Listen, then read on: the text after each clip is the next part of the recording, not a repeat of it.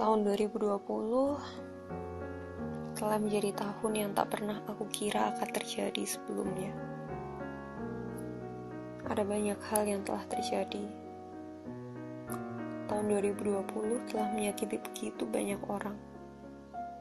Merampas begitu banyak harta berharga, termasuk keluarga.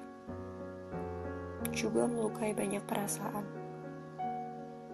Bukan hanya mereka yang tersakiti tetapi aku secara personal pun juga merasakan sakit yang tak jauh berbeda. Tahun 2020 telah mengacaukan begitu banyak rencana dan mimpi. Termasuk juga rencana yang aku dan beberapa temanku bangun. Yang awalnya aku bisa magang dan cari pengalaman, malah berubah haluan. Yang seharusnya aku bisa segera lulus dan cari kerja, malah masih kebingungan dan gak cari kerja. Tetapi di tahun 2020 ini, aku mendapatkan banyak pengalaman baru, banyak pembelajaran baru yang gak pernah aku kira sebelumnya. Susah payah tahun 2020 ini, aku dan beberapa teman mencari tempat magang setengah mati rasanya aku berharap nggak magang di dosen. Kenapa? Ya karena aku ingin cari pengalaman di luar kampus. Empat tahun aku terus-terusan berada di dalam lingkup kampus. Aku ingin keluar dari zona nyaman. Sesederhana itu. Tapi lucunya mau seberusaha apa aku mencari tempat magang di luar kampus waktu itu. Karena banyaknya peraturan dari pihak jurusan yang ini dan itu jadi nggak bisa magang di ber, di banyak perusahaan. Akhirnya aku bisa magang di sebuah perusahaan jadi nggak magang di dosen. Tapi ya satu bulan aku magang corona semakin menjadi di Indonesia dan akhirnya kita-kita yang magang ini ditarik dari pihak kampus. Akhirnya ya maganglah kita di dosen, menggantikan jadwal magang kita yang seharusnya magang di perusahaan. Lucu ya. Ternyata semudah itu 2020 menghancurkan sesuatu. Membolak-balikan rencana. Apa aku marah? Ya tentu saja. Karena kenyataannya magang di dosen waktu itu jauh-jauh lebih berat ketimbang magang di perusahaan.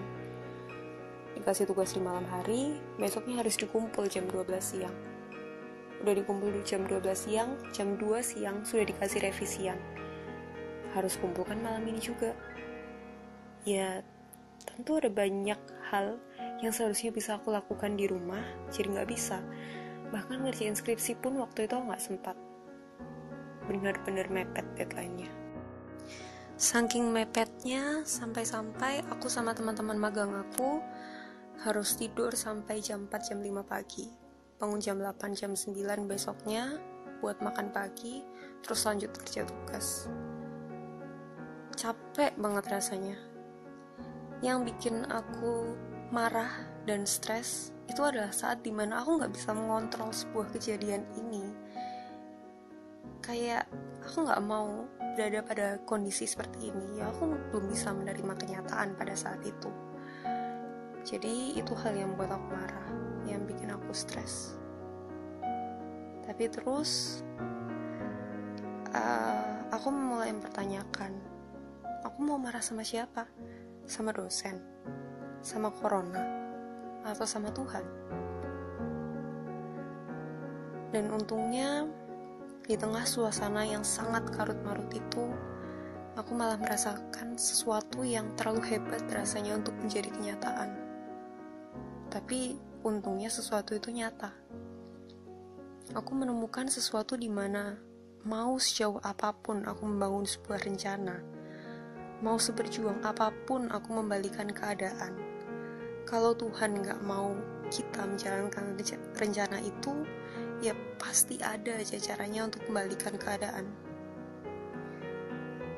Di situ akhirnya aku sadar, kalau misalnya ini bukan salah siapa pun, tapi ini memang takdir yang udah direncanakan sama Tuhan.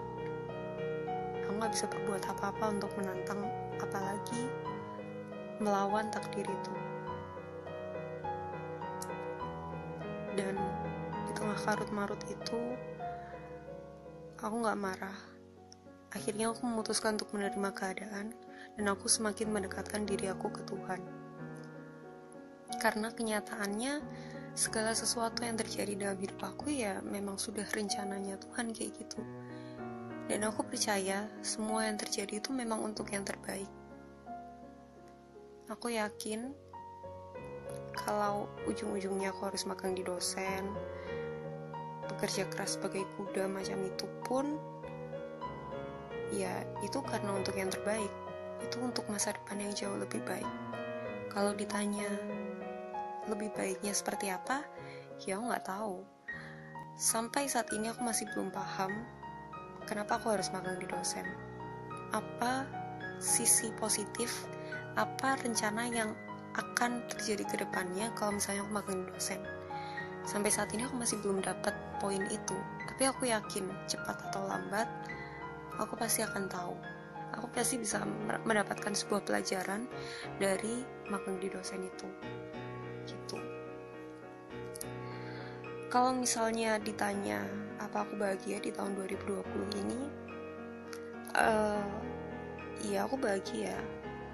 Aku bahagia di tengah kalang kabutnya tahun ini tapi bukannya aku bahagia karena aku bisa bahagia melihat orang lain menderita tetapi karena aku bahagia karena aku sadar ternyata masih banyak hal masih ada banyak hal yang bisa aku syukuri di tahun 2020 ini.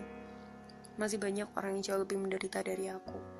Masih banyak rencana besar yang akhirnya gagal karena corona ini. Jadi akhirnya aku memilih bahagia karena aku bersyukur dengan apa yang aku dapatin. Mungkin 2020 ini bukan tahun yang paling membahagiakan menurut aku.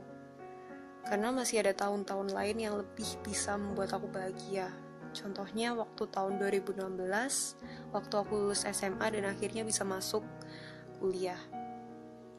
Itu rasanya senang sih karena aku uh, karena aku bisa satu step lebih jauh dari kehidupan aku sebelumnya. Padahal kalau dipikir-pikir, seharusnya tahun 2020 ini bisa menjadi tahun yang paling bahagia kan sepanjang hidup aku selama 20 selama 21 tahun aku hidup. Kenapa? Karena akhirnya aku lulus kuliah dan akhirnya aku bisa membuka lembaran baru yang sangat-sangat baru dalam kehidupan aku yaitu kerja. Tapi sayangnya ada banyak hal unpredictable yang membuat tahun paling bahagia ini runtuh begitu saja. Ya meskipun tahun 2020 ini bukanlah tahun yang paling membahagiakan menurut aku, tetapi tahun 2020 menurut aku lagi adalah tahun yang paling damai. Ada banyak hal yang terjadi yang membuat aku secara ikhlas memutuskan untuk berdamai dengan keadaan, berdamai dengan lingkungan, dan berdamai dengan diri sendiri tahun 2020 ini aku menemukan seribu lebih petualangan baru yang tak pernah aku kira akan terjadi sebelumnya. Ya salah satunya adalah akhirnya magang di dosen itu. Termasuk akhirnya aku memutuskan untuk mendekatkan lebih mendekatkan diri aku ke Tuhan. Karena uh, sebelumnya aku orang yang berjuang.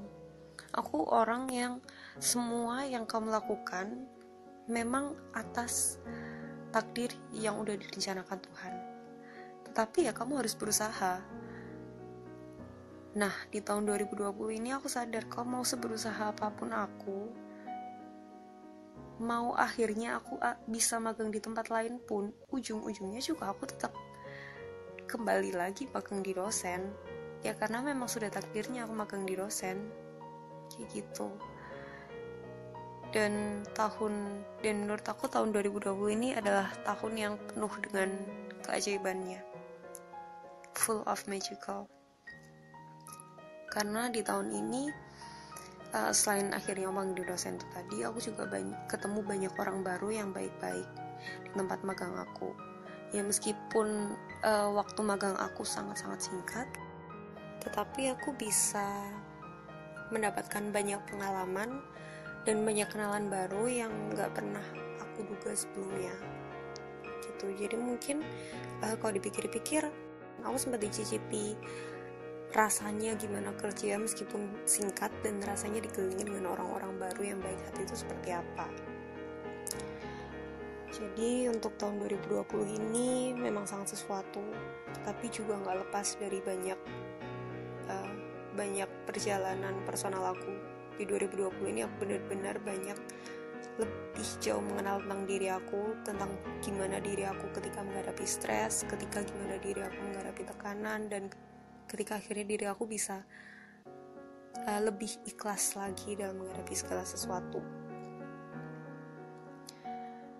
Jadi meskipun tahun 2020 ini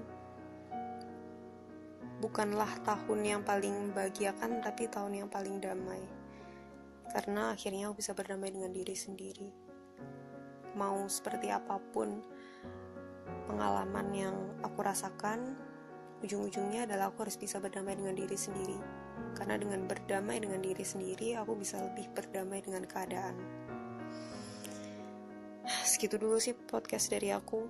Lumayan panjang ya kali ini cuma nggak panjang-panjang banget nggak yang aku cerita sharing kayak gimana gimana semoga kalian juga merasakan kedamaian yang sama karena di tahun 2020 ini benar-benar ada banyak hal baru yang harus kita terima mau nggak mau gitu Nah, uh, di tahun 2020 terakhir ya terakhir. Di tahun 2020 ini menurut aku memang baru setengah tahun berjalan, tapi dengan segala hal yang terjadi di tengah pandemi ini dan di tengah aku yang harus bisa menerima takdir ini, akhirnya aku sadar kalau misalnya baru setengah tahun berjalan, tapi aku ngerasain pengalaman yang lebih dari satu tahun berjalannya tahun lalu dan tahun-tahun sebelumnya. Jadi tahun uh, setengah tahun pengalaman di setengah tahun ini lebih dari pengalaman di tahun 2019 dan di 2018. Gitu. Ini menurut aku adalah tahun paling magic, tahun paling ajaib. Sekian podcast dari aku. Terima kasih.